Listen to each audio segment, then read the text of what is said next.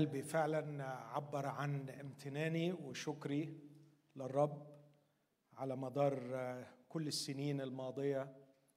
في كل مرة بستمتع بالشركة مع إخوتي في هذه الكنيسة بقيادة أخي الحبيب الأسيس أمير. وأنا ممتن ليكم أنكم بتعطوني هذه الفرصة لكي يتم تحدي بموضوع جديد أجد نفسي ملزم إني أصلي وأقرأ وأدرس وأتعلم كتلميذ للمسيح يسوع وأشارك بقية التلاميذ بما يعطيني الرب من تعليم ومن ما يضيف إلي من كلمة الله اللي هتفضل دايما أعمق جدا من متناول عقولنا. ومهما درسنا ستظل فيها أعماق نحتاج أن نتعلمها. عندي امتنان وشكر للرب لأجل هذه الفرصة وكمان بشكر حضراتكم لمجيئكم ويعني للمثابرة. أنا عارف إنه بيبقى المؤتمر تقيل شوية لكن مثابرتكم بتشجعني إني أنا كمان أجتهد وأصلي وأعطي. موضوعنا السنة دي هنوقف شوية موضوع النقلة في الواقع الروحي.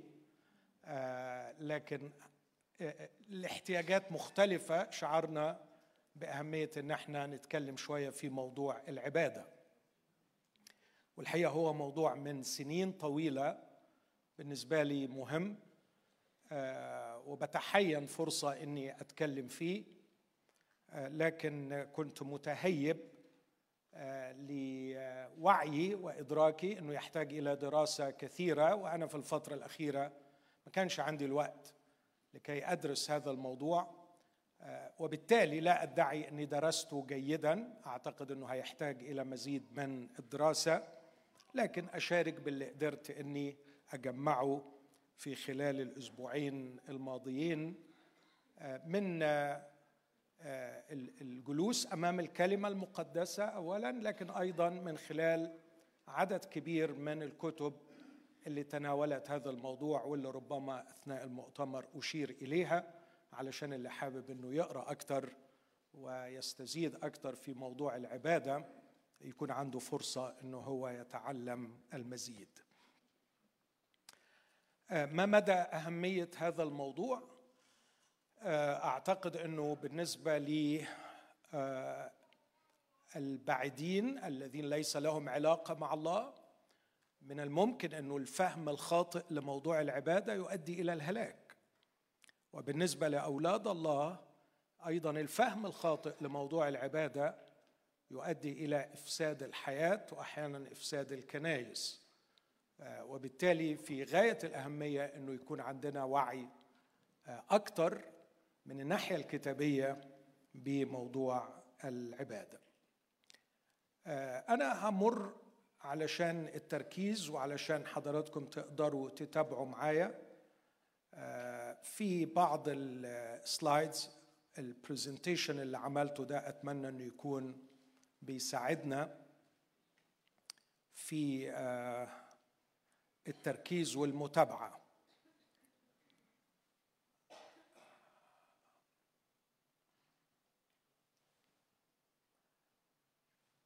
شايفين ها؟ okay. السلسلة اللي هقدمها مش عارف لغاية دلوقتي إذا كانت هتبقى خمس أو ست محاضرات هقدمها تحت هذا العنوان أفكار حول العبادة في المسيحية. ولما بقول أفكار بقصد حاجتين ومعظم اللي بكتبه أو اللي بقدمه بقدم لي بهذه الفكرة إنها أفكار لأنه لا أتصور أنها تبلورت واكتملت فهي ما زالت قابلة للنقد وللإضافة وللحذف. فعشان كده هي مجرد أفكار. بحاول إني أستثير بها أذهانكم أو زي ما قال الرسول أنهض بالتذكرة ذهنكم النقي. فبقدم هذه الأفكار لعلها تستثير أذهانكم النقية لمزيد من الدراسة. فهي أفكار فخذوها وراجعوها وارجعوا لكلمة الله شوفوا مدى صحتها وحاولوا إنكم تكونوا بتشتبكوا معاها بطريقة جيدة. عشان كده بسميها أفكار. هي لم تكتمل وهي أيضا ليست شاملة. يعني ما بطرقش الموضوع من كل جوانبه لكن هي مستحيل موضوع زي العبادة في خمس أو ست محاضرات نقدر إن إحنا نحيط به علما فهي مجرد بعض الأفكار. لكن كمان بقول هي أفكار حول العبادة في المسيحية لأنه زي ما هنشوف مع بعض الكل يعبد لا يوجد أحد لا يعبد لكن ما سأتناوله هو العبادة في المسيحية العبادة من المفهوم المسيحي. وأول محاضرتين النهارده بالليل وبكرة الصبح هيكونوا تحت هذا العنوان. الإنسان كائن عابد وهذا هو تعريفه اتس uh, يعني our definition. العبادة defines us بتعرفنا uh, وده أمر في غاية الأهمية. فالإنسان كائن عابد ده هيكون موضوعي الليلة. بكرة الصبح هتكلم إذا شاء الرب وأبقانا.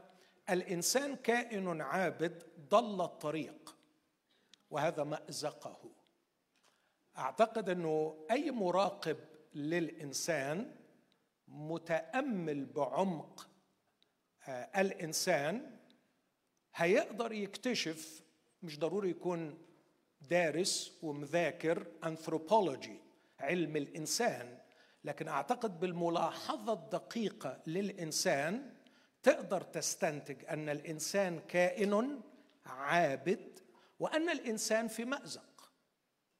هناك مأزق بشري.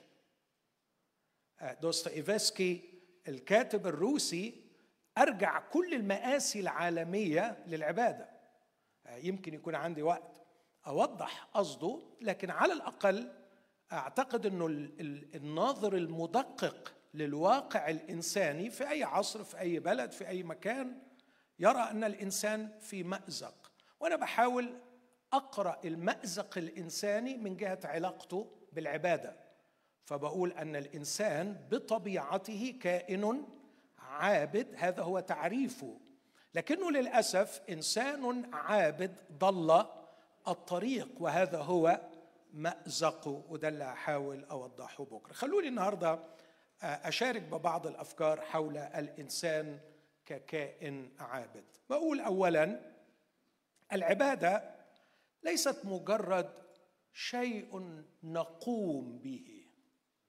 مش حاجة we do it مش حاجة بنجريها بنأديها. It's not just إن إحنا بنقوم بالعبادة. سواء مفهومك عن العبادة شامل بيشمل كل الحياة أو مفهومك عن العبادة إنك بتروح مكان معين تعبد فيه كل ده هنناقشه أثناء المحاضرات.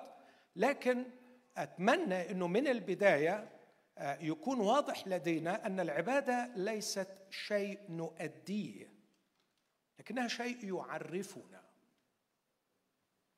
كياننا الإنساني بالطبيعة by default إحنا بنعرف كلمة ال default ده كتير دلوقتي. لما بيجي الجهاز بنبقى عارفين ال default بتاعه. الجهاز نازل إزاي؟ الإنسان by default الإنسان بالطبيعة كيان مشتاق. كيان مشتاق. عطشان. طالب. كل دي مرادفات. كيان يشتاق إلى شيء. كيان عطشان لشيء. كيان متجه لشيء. متجه نحو معبود.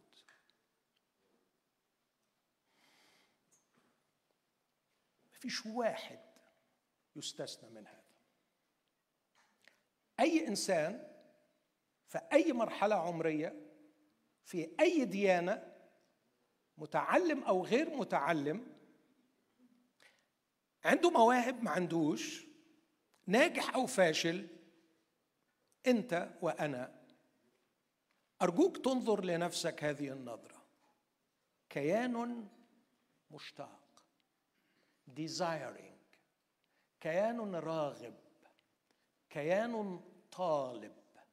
كيان متجه نحو معبود. مش عايز أقف قدام آيات كتير قوي لأني ما زلت في المرحلة دي. أنا معمم على كل البشر وكلام الكتاب لا يصف حال المؤمنين فقط لكن يصف حال كل البشر. لكن أتمنى إنك وأنت بتسمعني دلوقتي فكر في كل البشر اللي حواليك واللي قابلتهم المكسورين والمجرحين والخطاة والأشرار والتعبانين والمرتاحين كل اللي حواليك. الإنسان كائن مشتاق.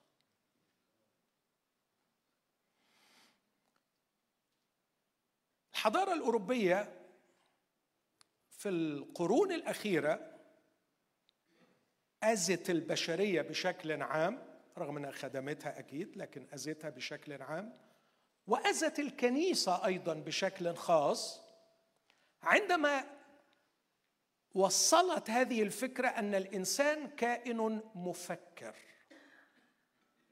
Thinking thing. من أيام ديكارت وخصوصا في عصر التنوير اتبعت لنا الفكرة دي إنه أهم حاجة فيك هي في تفكيرك.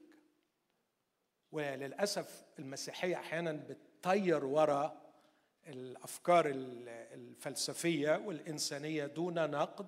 ف you are what حد فاكر؟ what you think. لكن الواقع بيقول حاجة مختلفة شوية. الكتاب المقدس بيقول فوق كل تحفظ مش احفظ فكرك لكن احفظ قلبك. قلبك لأن منه مخارج الحياة. وعندما نسير مع فكرة القلب في الكتاب المقدس نجد أنه يتكلم عن هذا الكيان الديزايرنج الكيان المشتاق الكيان الراغب الكيان اللي بيحب. فإحنا lovers more than thinkers. ودي الحقيقة اللي بتوجهنا. فأنت تتجه إلى ما تحب وليس إلى ما تقتنع أنه أنه حق. صح؟ المثل المصري الرجل الدب مش مطرح الكلام الصح. نحن منساقين إلى ما نحب إلى ما نطلب إلى ما نرغب. ولم نجد شخص يساعدنا أن نصحح رغباتنا. بلا شك هناك كثيرون يحاولون أن يصححوا لنا أفكارنا. لكن الغريب جدا إنه مرات تتصحح الأفكار وما تتحلش المشكلة. فيصبح الشخص عنده أفكار صحيحة لكنه يعيش حياة خاطئة. حد شاف المنظر ده؟ لو ما شفتوش يبقى ما عشتش. وهنا تظهر عبقرية يسوع المسيح سيدي وروعته. أول سؤال سأله في إنجيل يوحنا عندما التقى باثنين مش بماذا تؤمن؟ لكن ماذا تطلبان ماذا تطلب؟ أنت what are you seeking مش what are you thinking. أنت عايز إيه؟ أنت عايز إيه؟ أتمنى السؤال ده يلمع قدامنا الليلة. لو عايز تعرف نفسك ما تسألش نفسك أنا مقتنع بإيه لكن اسأل نفسك أنا أنا عايز إيه؟ أنا عايز إيه من المؤتمر ده لما جيته؟ It will define you. هتعرفك. لو جاوبت السؤال ده بأمانة أنت عايز إيه من ورا مجيئك المؤتمر؟ أنت عايز إيه من الكنيسة اللي أنت فيها؟ أنت عايز إيه من العلاقة اللي أنت فيها؟ أنت كنت عايز إيه من الجوازة اللي دخلت فيها؟ أنت كنت عايز إيه؟ عايز إيه؟ عايز إيه؟ التفت يسوع فنظرهما يتبعان فقال لهما ماذا تطلبان؟ أنتوا عايزين إيه؟ وآخر كلمة قالها في هذا الإنجيل follow me اتبعني اتبعني اطلبني واتبعني. وكأنه يقول في الوضع الصحيح سوف تطلب المسيح وسوف تظل تتبعه. هنا روعة الفهم العميق للديفولت بتاع الإنسان لطبيعة الإنسان أنه كيان بداخله رغبة شديدة للاتجاه إلى شيء. يطلب شيء يبحث عن شيء عطشان لشيء. يا الله إلهي أنت إليك أبكر. عطشت إليك نفسي.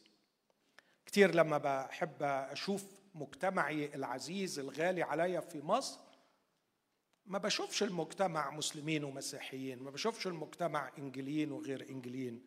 بشوف المجتمع عطشانين لربنا ومش سائلين في ربنا. هل أنت عطشان إلى الله؟ الإنسان بطبيعته كائن عطشان. والسؤال عطشان لماذا؟ لكن هذا الكيان متجه نحو معبود ودي حاجة غريبة شوية وده هنفهمه أكتر مع الوقت. يعني إيه نحو معبود؟ يعني نحو شيء superior ليك شيء أعلى منك شيء يمكن بالاتحاد به إذا امتلكته يعرفك أو لو عايز جملة أبسط يجعل لحياتك معنى. لأنه غالبا جميعنا نعاني من الشعور باللا معنى.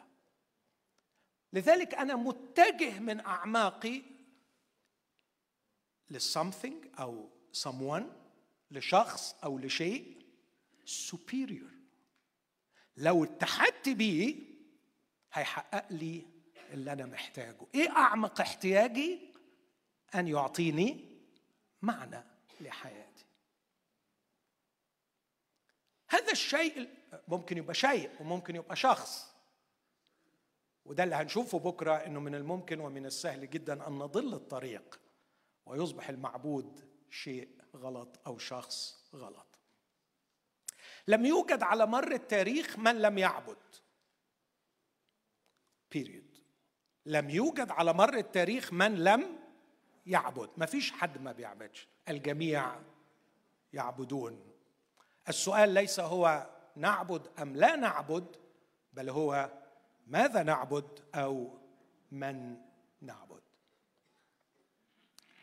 الجملة دي يعني زي ما بيقولوا strong claim ادعاء قوي مني إنه الجميع يعبدون. عشان كده أحاول أثبته باقتباس من شخص غير مسيحي غير مؤمن. في حتة في تركيا اسمها جوبكلي تيبي يعني الجبل المكرش يعني جبل ليه كرش. والجبل ده هو جبل صناعي بس بيقال إنه أقدم مكان أثري في العالم كله. الدكتور عالم الأثار كلاوس شميت عالم أثار ألماني من أعظم علماء الأثار في العالم. توفى المسكين صغير السن بنوبة قلبية 2014 هذا الرجل هو الذي اكتشف هذا المكان. طبعا معايا فريق لكن هو اللي اكتشف هذا المكان في شمال سوريا وجنوب تركيا. بيقول العبارة دي بعد ما اكتشف هذا المكان إن الرغبة في العبادة هي الأساس الحقيقي للحضارة. وقبل 1996 قبل ما هو يكتشف المكان ده كان يعتقد أن الزراعة هي البداية. بعدين يقول الكلام ده إن الافتقار إلى عبادة الله سيكون استثناء كبيرا. يعني أنا ما شفتش في التاريخ كله إن في حد ما عبادش الله. وبعدين اسمع العبارة القوية دي. الملحد الأكثر التزاما يعترف بوجود كائن أسمى. وإلا فلن يرغب في إخبارك عن مدى عدم إيمانه. فكر في العبارة دي في منتهى الذكاء. الملحد يعترف بوجود كائن اسمى وإلا ما كانش يحب إن هو يقول لك أنا لا أؤمن بوجود الله. لكن كونه يقول لك أنا لا أؤمن بوجود الله هو يكشف عن اعترافه بوجود الله. بس أنا مش عايز أؤمن به. بعدين ينهي هذا الاقتباس بهذه العبارة الرهيبة. لذا نعم في طبيعتنا أن نعبد شيئا ما. لا يوجد شخص لا يعبد. قصة الاكتشاف ده إنه لغاية كلاوس شميت كان كل التفكير الأنثروبولوجي في حضاره الإنسان إنه الإنسان تحضر بسبب بحثه عن الطعام. وعشان كده لأنه عايز ياكل فابتكر الزراعة. فالزراعة هي أساس الحضارة. الراجل ده هدم هذه النظرية وقال إن الإنسان انطلاقه للحضارة ليس بحثا عن الطعام لكن بحثا عن المعبود. بحثا عن المعبود. فقبل عصر الزراعة وجد هذا المعبد في هذا الجبل. وجد هذا المعبد. وهو عنده تيد ستوك أنصح بأنكم تسمعوه أو تشوفوه. كان بيحاول يفسر لو أنتم شايفين في عمودين كبار العمود ده ارتفاعه خمسة متر ونص معمول على هيئة حرف تي ودرس الرموز في هذا الهيكل لكي ما يحاول أن يفهم ما معنى حرف التي وطبقا لتفسيره أنه يشير إلى الإنسان. وبيقول إنه غالبا استعملوا هذا الحرف الذي يشير إلى الإنسان أو يشير به إلى الإنسان لكي يعلنوا تفوق الإنسان وسيادة الإنسان على بقية المخلوقات من حوله. واقف زي حرف التي بيعلن سيطرته الدومينيون بتاعه. معلش دي افتكروها لأن ليها علاقة بعملية العبادة. هذا الرجل باكتشافه غير الفكر البشري وأكد أنه قبل أن يفكر الإنسان في ماذا يأكل فكر في من يعبد. السؤال اللي بسأله لماذا؟ ليه لو درست علميا التاريخ البشري سواء من خلال علم الآثار أو علم الأنثروبولوجي أو علم النفس ليه ليه الإنسان ليه مش بيركح؟ حد فاهم بيركح دي؟ من ياوي دي شوية. ليه ليه ليه متوتر؟ ليه باحث عن شيء؟ وليه اللي خدته ما كفاش؟ وبعد ما خدت لسه عايز. ليه؟ في إيه؟ في ما تهدى. ما تركح. انت ليه على طول عايز عايز عايز؟ بعدين بتاخد. بس الغريب جدا انك بعد ما بتاخد بتمل بتزهق. بتحس انه البهجة بتاعت الشيء راحت والانبهار بالشخص فقدت. وما زلت أشعر بالفراغ والعطش. ابحث عن superior. Superior. Superior. أبحث عن شيء أعلى مني. أتجه إليه. ليه؟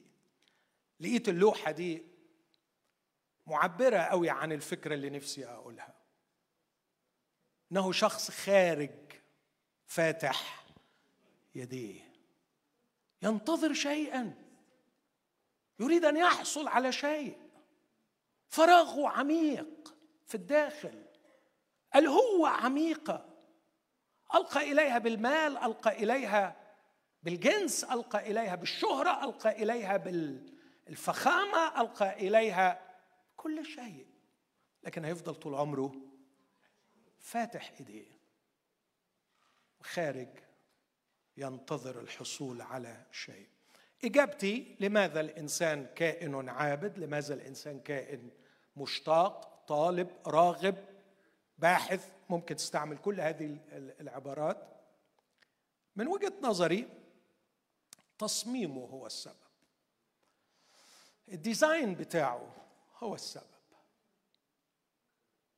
هل ال design ده في صالحنا ولا ضدنا؟ مش هجاوب على السؤال ده دلوقتي. لكن إذا كنت تشعر بالتوتر الدائم الذي يجعلك دائما خارج باحث منتظر طالب عطشان مستني مش قادر تركح وبتقول هو ليه أنا حالي كده؟ إجابتي الديزاين بتاعك هو السبب. تصميمك كده. لو اللغة العربية مضايقاك خلقتك كده. خلقتك كده. وده مش تعبير غلط يعني خلقتك التصميم بتاعك كده. هل التصميم ده سبب تعاستنا؟ نعم. لكن هل هو مصمم ليسبب تعاستنا؟ لا. لكن هنا يجي السؤال ما هو هذا التصميم الذي يجعلني كائنا عابدا مشتاقا طالبا عطشانا باحثا؟ هنا يأتي هذا الرجل العملاق اللي ما فيش موضوع ما فتاش فيه. وأنا ما أعتقدش ما أتذكرش إن في محاضرة من محاضراتي ما اقتبستش سي إس لويس. اسمع ماذا يقول هذا الرجل المسيحي العظيم. الله قد خلقنا اخترعنا اخترعنا. إحنا إحنا اختراع على فكرة. أحيانا لما حب حد يحب يقول عن حد إنه حد جميل قوي يقول عنه إيه؟ ها؟ ده اختراع ده اختراع. على فكرة كلنا اختراع. قد اخترعنا. اخترعنا كما يخترع الرجل محركا الإنجن. بالظبط زي ما في مهندس عبقري اخترع الإنجن الله اخترعنا. بس اسمع التعليق بتاعه بيقول السيارة مصنوعة لتعمل بالبنزين. ولن تعمل بشكل صحيح بأي شيء آخر. يعني لو حضرتك فكرت إنك تحط لها orange juice مش هتمشي. أنت قررت إن ال orange juice أرخص مثلا أو غير ملوث للبيئة فالأفضل إن إحنا نمون السيارة بالملك مش هتمشي. لأنه التصميم بتاعها إنها عايزة بنزين عايزة تحرق حاجة. مصممة لهذا. هكذا صمم الله الآلة البشرية اسمع التعبير الجبار ده صمم الله الآلة البشرية لتعمل به. تعمل به. جميل التعبير ده. هو بذاته وقود أرواحنا. الذي صممت أرواحنا صممت لكي تسير به. أو هو الطعام الذي صممت أرواحنا لتتغذى عليه. لا يوجد شيء آخر. لا يوجد شيء آخر. أستاذ كامبريدج أستاذ اوكسفورد هذا العملاق في الفكر بعد ما عاش في الإلحاد بعد ما أبدع أعظم ابداعات في الفكر والفلسفة بيقول لك لا يوجد شيء آخر. هو ده ال default بتاعك. أنت مصمم لكي ما يكون الله وقود روحك لكي تسير به to function by it عشان تمشي به أو يكون الطعام الذي تتغذى عليه روحك. أي استبدال غبي مش هينفع. مش هينفع. مش لأنه بيتعند معاك مش لأنه معصلك معاك مش لأنه دماغه ناشفة لكن لأنه هو ده هو ده ال design. هو ده ال design. هي دي خلقتك. لهذا السبب ليس من المنطقي بص الفكرة العبقرية دي. أن نطلب من الله أن يجعلنا سعداء slash ناجحين دي من عندي. أنا أعتقد إنه يقصد إنك تبقى fruitful إنك تبقى مثمر إنك تبقى flourishing لا نطلب من الله أن يجعلنا سعداء ناجحين بطريقتنا الخاصة. أي باستعمال أي وقود غيره. لا يستطيع الله أن يمنحنا السعادة والسلام والنجاح بمعزل عنه. فكر في العبارة دي. فعلا هو لا يستطيع. وهو ده صاحب العبارة الشهيرة إنك لما تحط أي كلام ملهوش لازمة وتحط قبله الله قادر على كل شيء الكلام اللي ملوش لازمة عمره ما هيبقى ليه لازمة لأنك حطيت قبله كلمة الله بيقدر على كل حاجة. لا الله بيقدر على كل حاجة تتسمى حاجة وتنفع تبقى حاجة وليها قواعد بيمشيها طبقا لقانونها.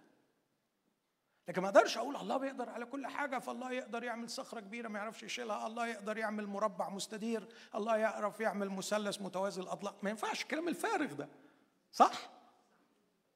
فلما تطلب من الله إنه يسعدك بحاجة غيره بمعزل عنه ما يقدرش. مش متربس معاك ومش عايز. لا هو فعلا مش هيقدر. لأنه الديزاين بتاعك متصمم عليه. أن تلتصق به. هنط نطة وهذه هي العبادة. أن تحب الرب إلهك وتلتصق به. ليكون وقودك وطعامك. فلما تقول له أنا مش عايز ألتصق بيك بس خليني سعيد وناجح هيقول لك مش هيقول لك أنا مش عايز مش مش بيغلس عليك لكن هيقول لك فعلا ما أقدرش. لازم ألغيك وأخلق مخلوق يشتغل بال بفانتا تفاح ولا ولا بال milk ولا بال orange juice لكن أنا عاملك تبقى إنسان ك glorious being بإنك تشتغل بيا. لا يوجد شيء من هذا القبيل. الكلام ده nonsense مش موجود. إنه حد يقدر يسعد وينجح ويثمر بدون الله. طب ما هو هذا التصميم اللي سي إس لويس بيقول إنه معمول إنه يخلي الواحد يمشي ووقود روحه هو الله؟ بسميه كائن مجيد في النوع وفي الوظيفة. الإنسان كائن مجيد في نوعه وفي وظيفته. الصنف بتاعه فريد والوظيفة بتاعته وظيفة فريدة وعالية. هقرأ معاكم الآيات المحفوظة والمعروفة. وجبل الرب الإله آدم ترابا من الأرض. عندنا في سفر التكوين في قصتين للخلق كانوا يتم تناقلهم اورالي آه، حكاية بتتناقل لغاية ما ربنا آه، ساق رجله العظيم موسى مسوقا من الروح القدس وعمل إيه؟ وسجل الحكايتين سجل الحكايتين آه، جودينج ديفيد جودينج عنده نظرية إنهم ثلاث قصص مش بعيد واحدة تبدأ في أصحاح خمسة قصة ثالثة للخلق. هذه القصص كان يعيش بها شعب الله قبل أن يكون عند شعب الله كتاب مكتوب.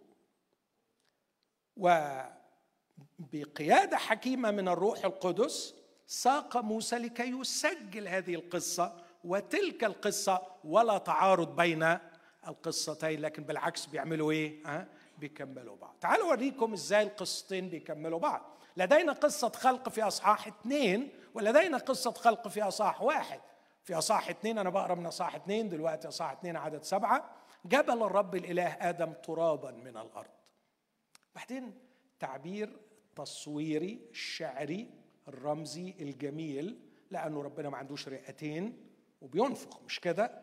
لكن يقول ونفخ في أنفه. بعدين برضه لو هو بينفخ يديله قبلة الحياة المفروض ينفخ في فمه لكن يقول ونفخ في أنفه.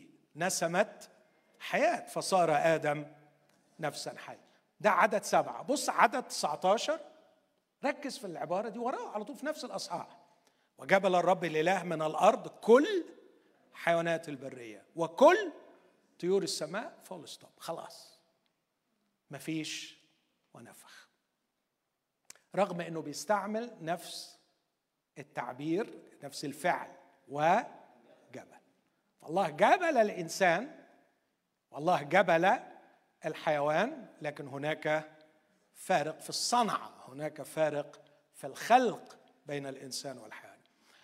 ما هو الفارق؟ أنه نفخ في أنفه نسمه حياة. وكأنه بيقول له بص حبيبي أنت كائن حيواني والبيولوجي بتاعك لا يختلف عن البيولوجي بتاع أي حيوان.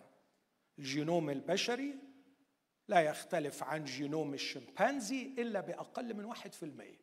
تخيل الجينوم البشري يعني الجينات بتاعتنا.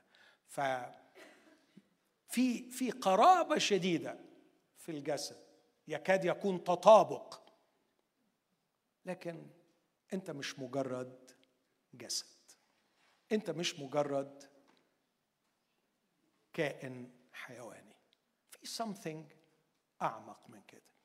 أنت كائن قابل للروحانية. أنت نفس حية مثلك مثل الحيوان. هنقرأ الكلام ده بعد شوية لتخرج الأرض ذوات أنفس حيه والإنسان نفس حيه لكنك قابل to be spiritualized. أن ترتقي في كينونتك لتعلو فوق الحيوانات. وبالمناسبة إذا ما ارتقاش وعلي فوق الحيوانات بيظل وحشي وبيبقى أصعب من الحيوان لأنه حيوان بإمكانيات إنسان.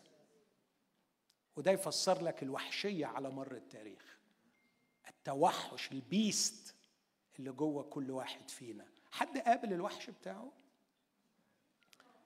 من أسبوعين كنت في كندا وكنت بتكلم عن من هو الإنسان أو هو ذا الإنسان. وبعدين كنت عايز أتكلم عن الوحش اللي جوانا. فبقول له يا رب أنا هقول التعبير ده بس خايف يكون صعب على الناس. ففوجئت بصديق عزيز وإحنا رايحين يقول لي أنا الأسبوع ده بصلي بقول له يا رب احميني من الوحش اللي جوايا. قلت له الله يفتح عليك يا شيخ يعني ريحتني. بتقابل الوحش اللي جواك؟ تكرهه تخاف منه؟ ولا ملاك من جوه؟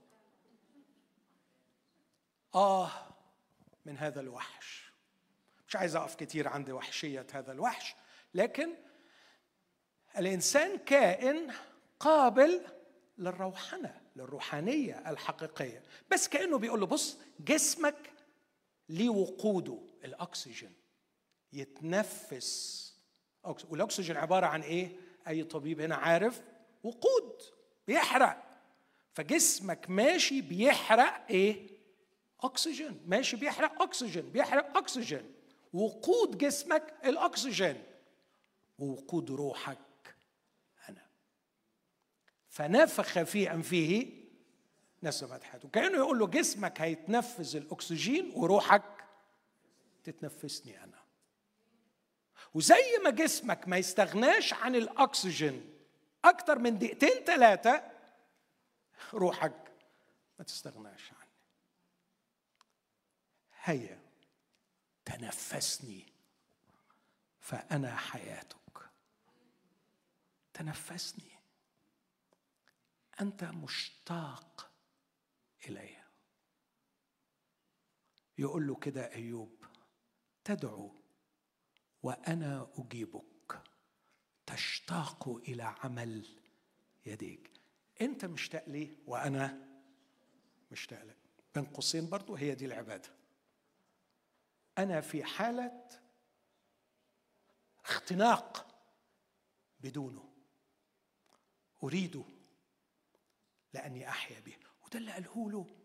لو انفصلت عني موتا تموت. وأكيد كلنا عارفين إنه لما أكل مات بس مش جسمه اللي مات لأنه جسمه ما اتحرمش من الأكسجين. لكن إنسانيته إيه اللي جرى لها؟ خلاص. ولم يبقى إلا الوحش. لم يبقى إلا الوحش. آه الوحش في أبشع صوره. هنشوفه لما تتحط في إيديه سلطة كبيرة.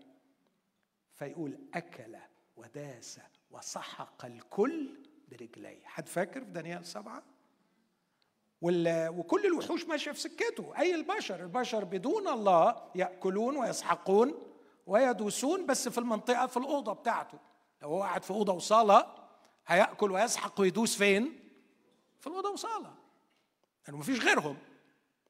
يعني مراته الغلبانة يلطش فيها عياله الغلبانين يتعسهم أو زوجها الغلبان تلطش فيه. أكل وسحق وداس. بس لو بقيت آه، شقة كبيرة لو بقي قصر لو بقيت إمبراطورية هيعمل إيه؟ ها؟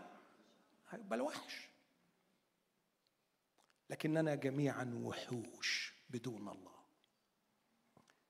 احتياجنا إليه لكي نتأنسن مجيد في النوع بتاعه. عشان كده يقول وجبل الرب الإله من الأرض كل حيوانات البرية وكل طيور السماء فأحضرها إلى آدم. بص المنظر هنا أدي الفانكشن بقى. ليرى ماذا يدعوها وكل ما دعا به آدم ذات نفس حية فهو افتكروا حرف التين. افتكروا السيادة افتكروا القصد الإلهي أن الوظيفة بتاعته كمان وظيفة فريدة إنه يسود ويسيطر. لو رحنا قصة الخلق الأولى في تكوين واحد قال الله بص بص التعبير لتخرج الأرض ذوات أنفس حيه كجنسها بهائم ودبابات ووحوش أرض كأجناسها وكان كذلك. فعمل الله وحوش الأرض كأجناسها والبهائم كأجناسها وجميع دبابات الأرض كأجناسها ولاحظوا تكرار حرف الكاف اللي عمال يتكرر كتير وحرف الكاف بيرجع كل كائن حي إلى جنسه كجنسه كجنسه. وقال الله نعمل الإنسان على صورتنا ك كشبه. مش كجنسه لكن كشبهنا. هذا في التركيبة بتاعته. قابل للروحانية. قابل أن يكون روحا. يقول عنه بالعلاج لما بتحصل العملية العظيمة المولود من الروح هو روح. الحمد لله على السلامة. حصلت المعجزة. وتحول الوحش إلى إنسان. قال له كم سمعت؟ كم من شرور فعل بقديسيك ده وحش بينفث تهددا وقد قالوا بيصلي. بيصلي بيعبد بيتنفسك. يبقى الوحش صار إنسان. وطلع إنسان ولا ما طلعش إنسان في الآخر؟ وأجمل إنسان. كان حنونا مترفقا وديعا بولس. لكن كمان الوظيفة يشير إلى الوظيفة فيتسلطون. يعني في التركيبة بتاعته على شبه الرب ففي نوعه مجيد glorious being قابل للأنسنة قابل للروحنة في حتة تانية قابل لشراكة الطبيعة الإلهية. بس ده مش موضوعي ده كان السنة اللي فاتت. صرنا شركاء. إيه ده؟ النوع ده ممكن يرتقي ال design بتاعه نازل قبل لل upgrade تعمل له upgrade تعمل له upgrade يتعمل له upgrade لغاية شراكة الطبيعه الإلهية. لكن الحيوان يفضل يفضل حيوان ويهلك في حيوانيته لكن ده بيخلد وقابل للخلود. بالعلاقة مع الله. لكن كمان الوظيفة بتاعته فريدة glorious في الوظيفة بتاعته يقول فيتسلطون. أنا أعلم يا رب أن التسلط هو عملك. يقول لا ما أنا قلت نعمل الإنسان على صورتنا to represent me. هيمثلني هيبقى بديلي هيبقى نائبي. يعني عمل لروحه تمثال على الأرض.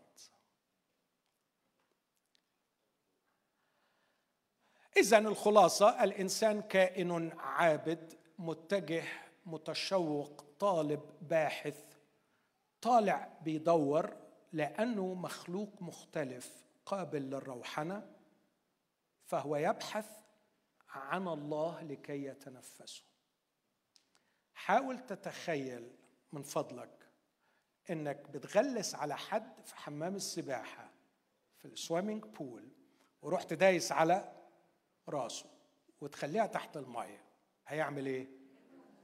استمتع يقول لك كمان؟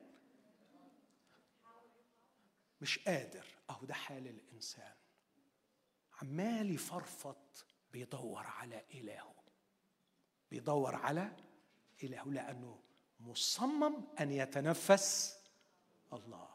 وبدون الله هو يختنق. هنشوف بيعمل إيه بجهله لما بيحاول يستبدل الله بحاجات تانية.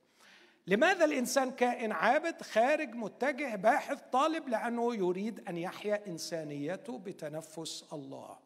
لكن أيضا لأنه مخلوق للاكتمال بالارتقاء. الإنسان لا يكتمل بالزواج. أوعى تصدق الفكرة بتاعت إنك مشطور نصين ونص وبتدور على نصك التاني. ده كلام. أهو ده واحد من البدايل الغلط. الاكتمال لن يأتي بشيء من الخارج. لكن الاكتمال تتنفس الله فاللي جواك يكبر لغاية ما يكتمل إلى تلك الصورة عينها من جوه. لغاية النهارده الناس مستنية حاجة تلزق فيها من بره تكملها. مفيش حاجة. ده ال design برضو بتاعك ده ال default بتاعك. لن تكتمل بالزواج لن تكتمل بالعمل. لن تكتمل بالخدمة ولن تكتمل بالرهبنة ولن تكتمل بأي شيء. الاكتمال يحدث من الداخل. عندما تنمو في حضرة الله بيسموه دايما اللاهوتيين ممكن تحفظوا التعبير ده جميل.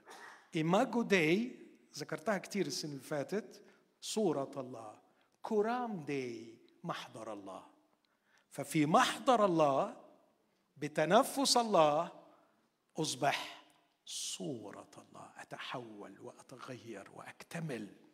هو ده الاكتمال. لأن الإنسان مخلوق غير مكتمل مصمم للاكتمال بالارتقاء من الداخل إلى تلك الصورة عينها فهو كائن عابد يبحث عن معبوده لكي يصل إلى حالة الاكتمال. وده اللي بنشوفه في تكوين واحد ستة وعشرين. إذا الإنسان تعريفه أيقونة الله الحية ده التصميم بتاعه الحاملة لحضوره والفاعلة لمشيئته في العالم. هذا هو الديزاين الأصلي للإنسان.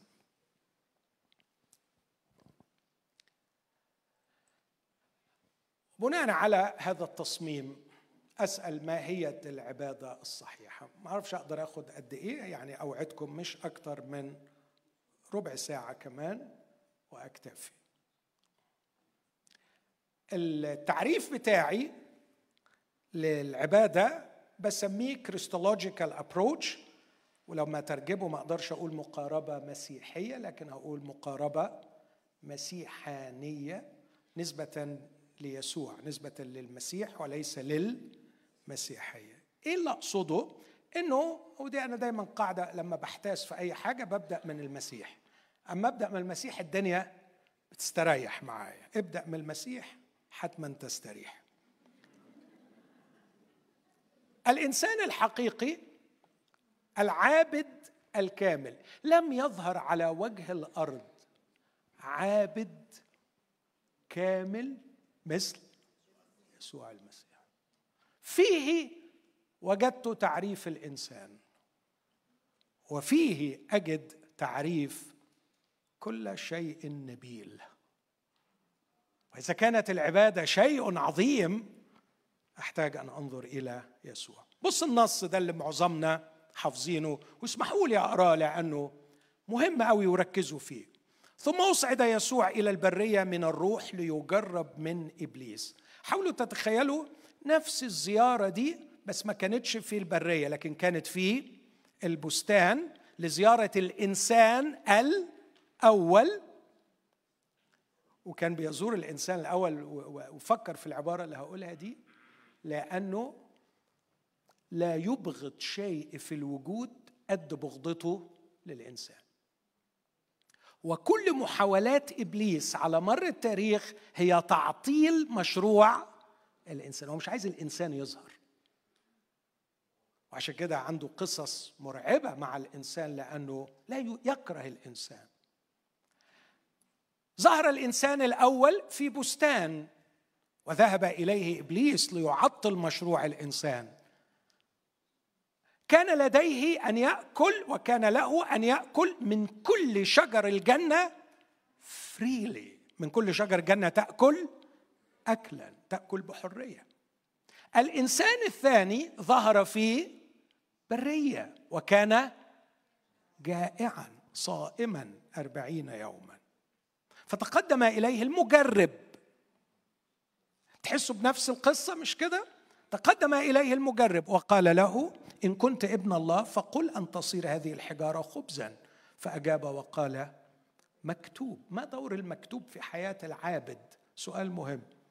ليس بالخبز وحده يحيا الإنسان بل بكل كلمة تخرج من فم الله. ودي اقتبسها يسوع من تثنية ثمانية عدد ثلاثة. ثم أخذه إبليس إلى المدينة المقدسة وأوقفه على جناح الهيكل وقال له إن كنت ابن الله فاطرح نفسك إلى أسفل لأنه مكتوب أنه يوصي ملائكته بك فعلى أيديهم يحملونك لكي لا تصدم بحجر رجلك بيقال إنك أنت كائن عظيم الإنسان كائن عظيم وإنه هيوصي ملائكته وهيحملك وهيهتم بيك. قال له يسوع مكتوب أيضا لا تجرب الرب إلهك واقتبسها من تثنية 6 16 ثم أخذه أيضا إبليس إلى جبل عال جدا وأراه جميع ممالك العالم ومجدها وقال له أعطيك هذه جميعها. إن خررت دخلنا في موضوع العبادة. دخلنا في موضوع العبادة. إن خررت وسجدت لي. واضح جدا إنه لو كان كسب الجولة دي كان ضاع الإنسان. فهو فاهم أن الإنسان إنسان بعبادة من؟ فلو عرف يخليه يسجد له مفيش إنسان. بصوا الضربة موجهة إزاي؟ فقال له يسوع اذهب يا شيطان لأنه مكتوب للرب إلهك تسجد وإياه وحده تعبد واقتبسها من تثنيه 6 13 ثم تركه إبليس. بص التعبير الجميل ده. وإذا ملائكة قد جاءت وصارت تخدمه. كلمة تخدمه أقل وهو أعلى.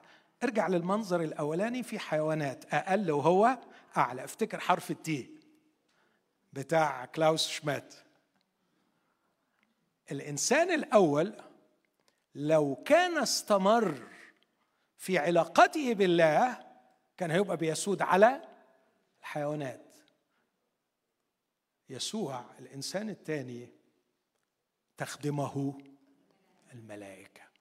وده أتباعه اللي هيمشوا وراه يقول عنهم عبرانيين واحد أليس جميعهم ارواحا خادمة؟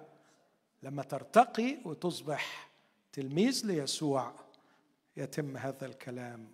ملائكة جاءت وصارت تخدمه. نفسي أدعي لكم دعوة كويسة بس مش عارف هتجوز ولا لا تجوز.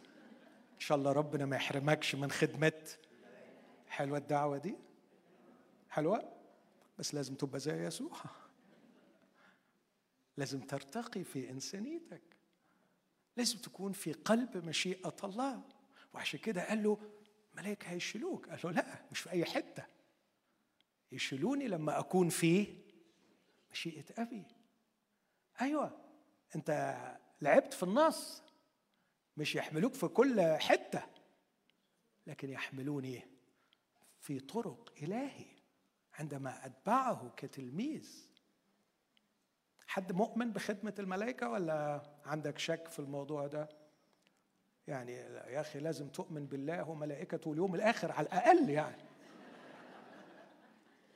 أوعى يكون مخك راح يعني دروش وبتقول ما فيش ملائكة. لا.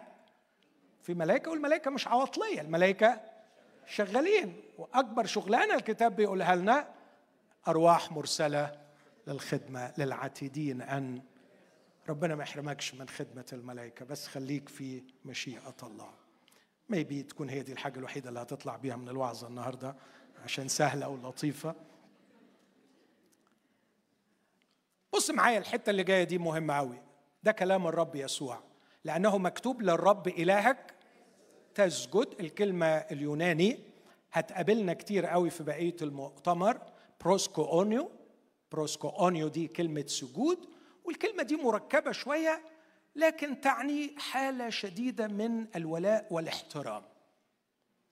بدون الدخول في تفاصيل معناها الحرفي حالة شديدة من الولاء والاحترام. ال προσκυνέω دي انه واحد بيسجد physically بينحني physically بيحترم واحد بشكل كبير. ودي اللي استعملها الرب يسوع في حديثه مع السامرية لما قال لها الآب طالب مثل هؤلاء الساجدين. لكن في كلمة تاني وإياه وحده تعبد. كلمة تعبد دي هنشتغل عليها كتير برضو في المؤتمر لاتريو.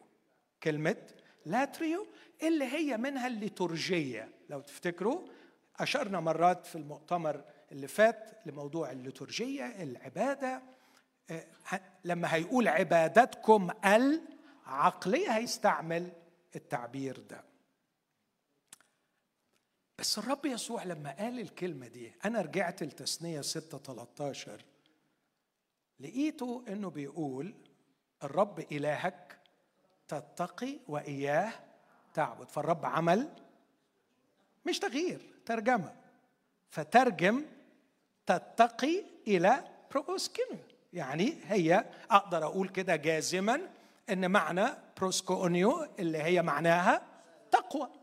أن تتقي الرب إلهك. فالسجود معناه حالة تقوى.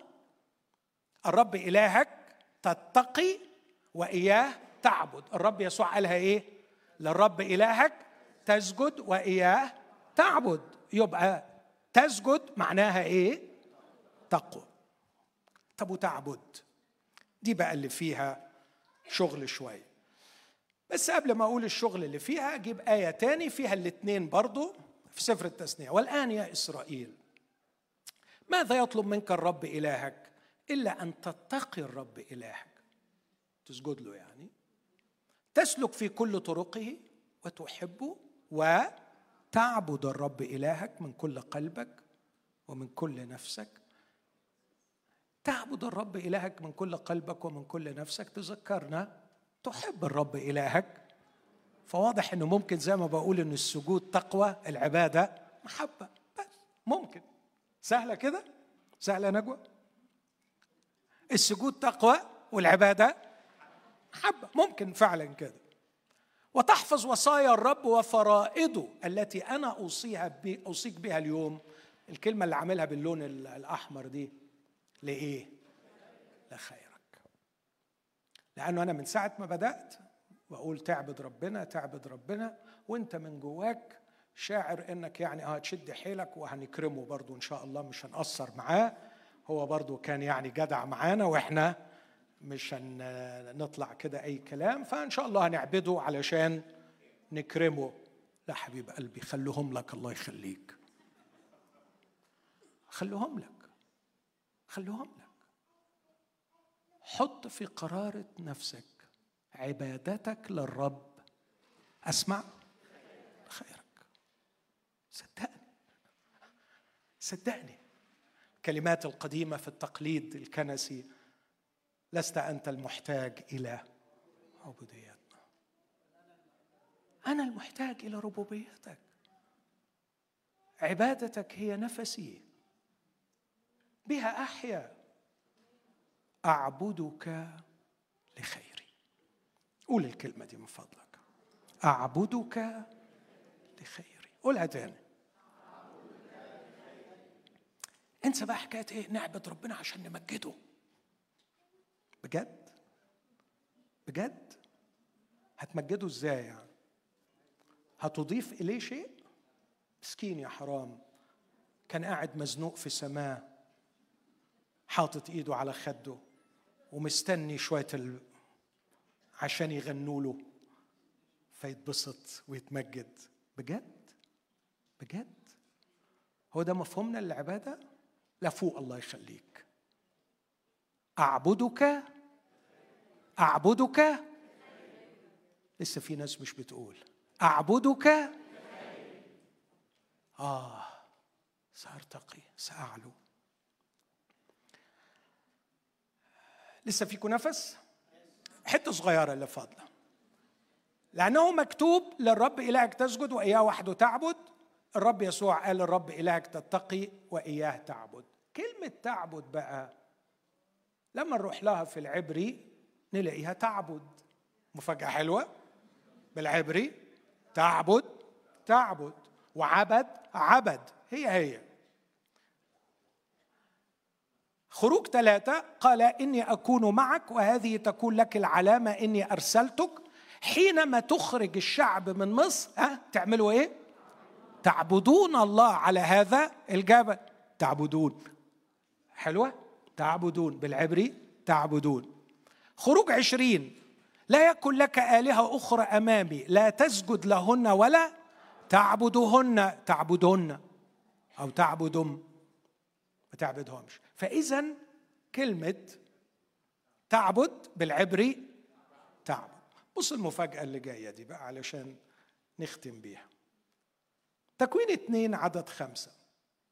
أنا رحت لكلمة تعبد في العبري وعبد في العبري ومشيت وراها في الكتاب هي بادية إزاي وماشية ورايحة فين؟ ولقيت الآتي. ولا كان إنسان ليعمل الأرض عبد. يعبد. هي نفس الكلمة. وأخذ الرب الإله آدم ووضعه في جنة عدن ليعملها يعبدها ويحفظها. فأخرجه الرب الإله من جنة عدن ليعمل الأرض يعبد الأرض. التي أخذ منها وكان قايين عاملا في الأرض. تكوين أربعة عدد 12 متى عملت الأرض لا تعود تعطيك قوات في كل المرات ما أقل إنها ترجمت عبادة لكن في معظم المرات ترجمت عمل. ودي تعمل لنا مشكلة فعلا. هل أعبد الأرض؟ أعمل الأرض يعني نفس الكلمة أعبد الأرض. وبالتالي لما أقول أعبد الله ماشية لكن أعبد الأرض. بس لو ترجمتها أعمل هعمل الله. أعمل الرب. تلخم شوية الكلمة الأساسية عبد. أنا أعمل أعبد الأرض. ترجمتي ليها من كل النصوص اللي جت وطبعا امشي وراها في العهد القديم هتلاقي عشرات أكثر من 300 مرة. أنا أعمل أعبد الأرض. أقرب كلمة ليها في العربي أعبدها. عارفين لما نقول الطريق معبد؟ يعني صالح للمشي. أعبدها مش أعبدها لكن أستصلحها أزرعها لتثمر ما أريد. أعبدها أي أجعلها تعمل لخيري. فعندما أعبد الأرض أعبد الأرض أعمل الأرض أي أجعلها تعمل لخير طب عايز أطبق الكلمة دي على الله أعمل إيه؟ أقول أنا أعبد الرب. يعني أنا أستصلح الرب وأجعله يعمل لخير. ملهاش غير الترجمة دي. صعبة. شكلكم مش مستسيغينها خالص ومش عاجباكم. الترجمة الدقيقة الحرفية ملهاش غير كده. أنا هستعمل نفس الكلمة. أنا أعبد الأرض. ما ينفعش. أنا بعمل الأرض. يعني إيه بتعمل الأرض؟ يعني بتوضبها علشان تعمل لخيرك. طبق الكلام ده على الله. وهتلاقي 99% من البشر بيعملوا كده مع ربنا. فكر في اللي بقوله لك. إن كل أشكال العبادة على الأرض في العالم وفي التاريخ محاولات السيطرة على الله ليعمل لخير. فكر في الأمر ده أرجوك. فكر في ملايين البشر بجهاد شديد يعبدون لكي يسيطروا على الله ويجعلوه يعمل خيرا هذا هو مفهوم العبادة. مرعب. ما هي العبادة؟ ظبطوا ظبطوا شوفوا بتظبط إزاي. وكل طائفه هتقول لك سكتهم والمانيوال بتاعهم في تظبيط ربنا. كل طائفة عندها عندها الليستة بتاعتها. هتعمل كذا وكذا وكذا. هيبارك في الزرع والضرع وهيحافظ وهيعمل وهيسوي. وأنا أنا ما أقدرش أعيش من غيره فأعمل معروف. قول لي إزاي أظبطه؟ علشان يظبطني. تظبطه؟ ظبطك. وهي دي الحياة. وبعدين إحنا في دنيا قلابة. والحياة مش مضمونة. وبعدين هو الوحيد الكبير اللي قاعد فوق وماسك كل الحاجات معاه. فأنت ما تبقاش عبيط ظبطه. يوم حد روح له عشور ادفع له صيام صم له أيام ما تأثرش. أوعى تغلط إحنا مش قده. آه. كتير قلت الكلام ده. أنا أعشق مصادقة الملحد وأكره مصادقة المتدين لأن الملحد لا يريد الله المتدين يريد أن يستعمل الله. الملحد لا يهين الله اللي بيهين الله متدين. هذا الشعب يكرمني بشفتيه أما قلبه مبتعد عني بعيدا. طب بيكرموك ليه بشفتيهم؟ لما قلبهم بعيد عشان يظبطوني وفاكرين إن أنا باخد من كلام الشفتين. جهلة. فاكرين بضحك عليا؟ بجد. مقضيها سنين رايح جاي على الكنايس والعبادات ومش مقصر. لا إيه معظم الأيام مقموص. معظم الأيام مقموص لأنه حس إن الديل خسران. حقيقي. إحنا ما قصرناش في حاجة. صلاة صلينا. كنايس رحنا خدمة خدمنا وفي الآخر يجي لها السرطان؟ طب ده دي أخلاق برضو؟ أمال كنا بنعمل كل ده علشان إيه؟ والصلاة اللي صليناه ده بجد؟ أنت كنت بتصلي عشان تظبطه بقى. أنت كنت بتصلي عشان تأمن روحك ضد المرض. دي قلة أدب. دي قلة أدب. إلزم حدودك. ارجع لمكانك. عندما تذهب لله اخلع عليك. واعرف حجمك. وقف في منطقتك. وتضاءل وخذ وضعك أمام الخالق القدير العظيم اللي ما أبعد أحكامه عن الفحص وطرقه عن الاستقصاء. خشعي يا نفسي أمامه وارتعبي من طول لسانك. واختشي اختشي في كلامك عن الإله العالي العظيم. دسنا فيها بقلة حياة. دسنا بسبب المفهوم الفاسد للعبادة. نحن مظبطينه طول عمرنا. تذكر واحد شخصية كبيرة تعرض لتجربة مرعبة. ذهبت له وقلت له انسى ان أنا خادم أنا جاي لك كطبيب نفسي. وأرجوك قول لي إيه الشعور اللي جواك ده دلوقتي؟ قوله لي. بالظبط كده بسببها خدمت خدمة تلاقوها موجودة صفقة أم علاقة؟ قال لي اتضحك علينا. مفيش حاجة اتطلبت مننا ما عملناهاش. وفي الآخر يحصل لنا كده. الراجل ده كان جريء قالها لكن الكلمة دي موجودة في قلوب معظم اللي بيروحوا الكنايس عملنا اللي علينا. ظبطناه.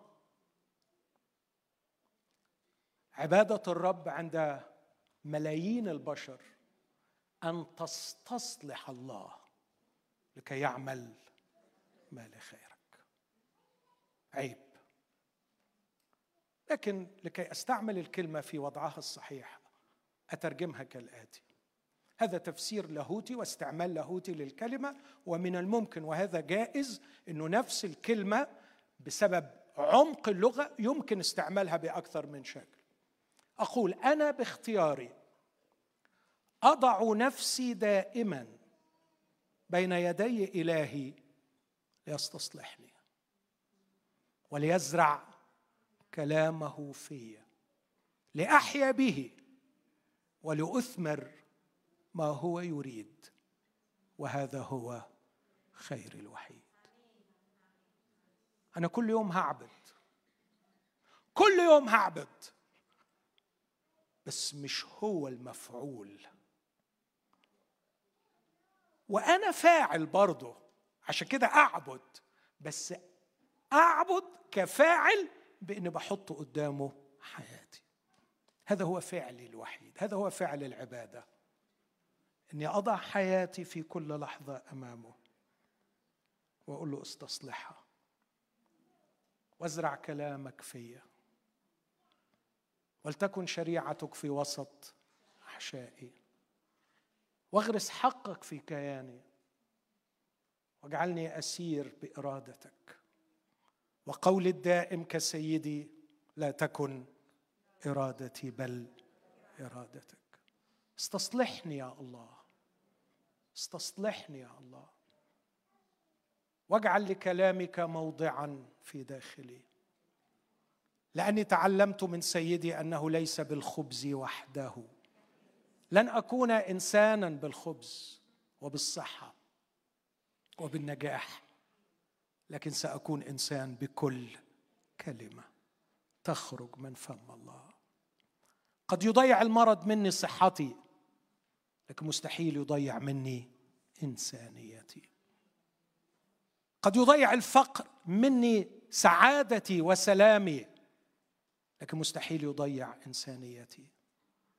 لكني رأيت الملايين بصحة الوحوش وهم وحوش. ورايت الملايين يملكون المليارات فلم تزدهم المليارات إلا وحشية. وبؤس وشقاء وتعاسة. أنا محتاج أن أعبده هذا الراقي السامي الذي لا يقتحمني ولا يجبرني على عبادته ولا يلح علي لكي أعبده لكنه ينتظرني كعقل واعي فاهم مدرك تصميمي كانسان أني لا أعمل إلا به. فهو وقودي وهو طعامي. فأذهب إليه باختياري الحر. واضع حياتي بين يدي وأقول له انزع الحجر وانزع الشوك واجعلها أرض جيدة وازرع كلامك فيها وقودني من خلال الكلمة المغروسة كي أفعل مشيئتك. وعندما أعمل ما أنت تريد هذا هو خير الوحيد. آمين. المسيح عبد الرب إسرائيل الحقيقي. والآن يا إسرائيل ماذا يطلب منك الرب؟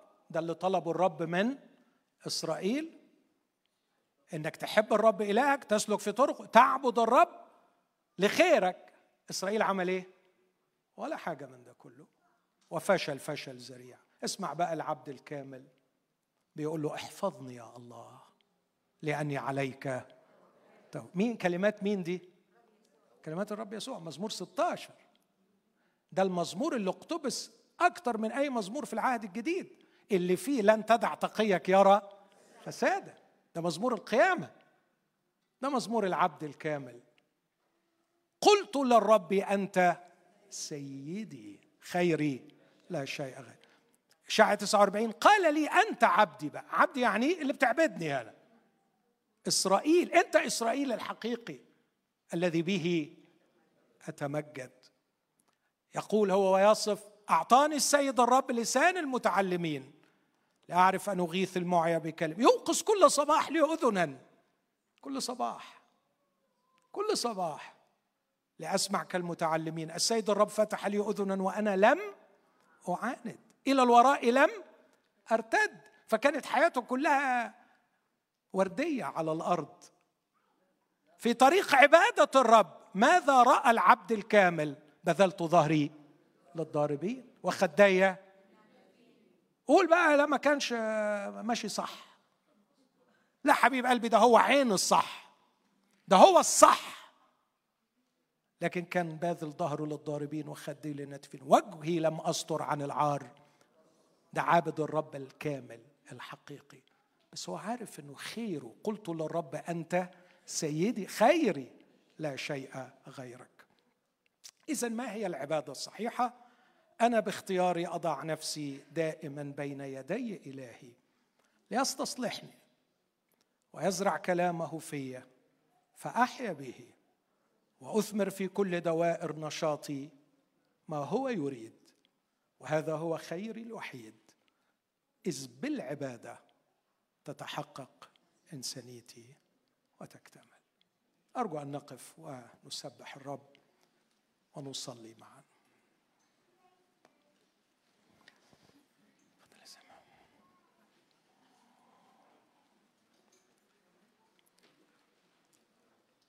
أنا ما عنديش كلام تاني أقوله طولت عليكم بعتذر. لكن افتكر المثال بتاع السيارة. أنت مصمم لتسير به. تسير به ناحية إيه؟ ناحية إنك تبقى إنسان. أن تجد المعنى لحياتك. أن تختبر فعلا الكلام اللي بنقوله كوعظ لكن هو حقيقة. من يشرب من الماء الذي أعطيه أنا فلن يعطش. مش هتبقى قاعد في حالة المخنوق المتوتر لكن ستتنفس الله. ستتنفس الله. سيتسرب هو إلى روحك فتحيا به تحيا به. وتقول له دايما أنا حي بيك أنا حي بيك. أنا مش بديلك أنا مش بتعطف عليك. أنا أفتح فمي وأنفي. أكلك فأنت طعامي. وأتنفسك فأنت هوائي. وكلما تنفستك وأطعمت عليك تعلو قامتي وأرتقي. وأصبح سيدا سيدا. حتى الملائكة تخدمني. كلما عبدتك أكثر كلما ارتقيت أكثر. وكلما تواضعت أمامك أكثر كلما ارتفعت هامتي أعلى. أنا سيد بعبادتي لك. قول للرب الكلمة دي. أنا سيد بعبادتي لك. سأعبدك. وأحيا بيك. وأضع كل يوم بكامل اختياري حياتي أمامك. أرض بور استصلحها. وازرع في قلبي كلامك. لأني آمنت أن الإنسان يحيا بكل كلمة تخرج من فم الله. لافعل إرادتك. لافعل ما تريد. وهذا هو خيري الوحيد. بهذا تتحقق إنسانيتي. وتكتمل. أبقى إنسان.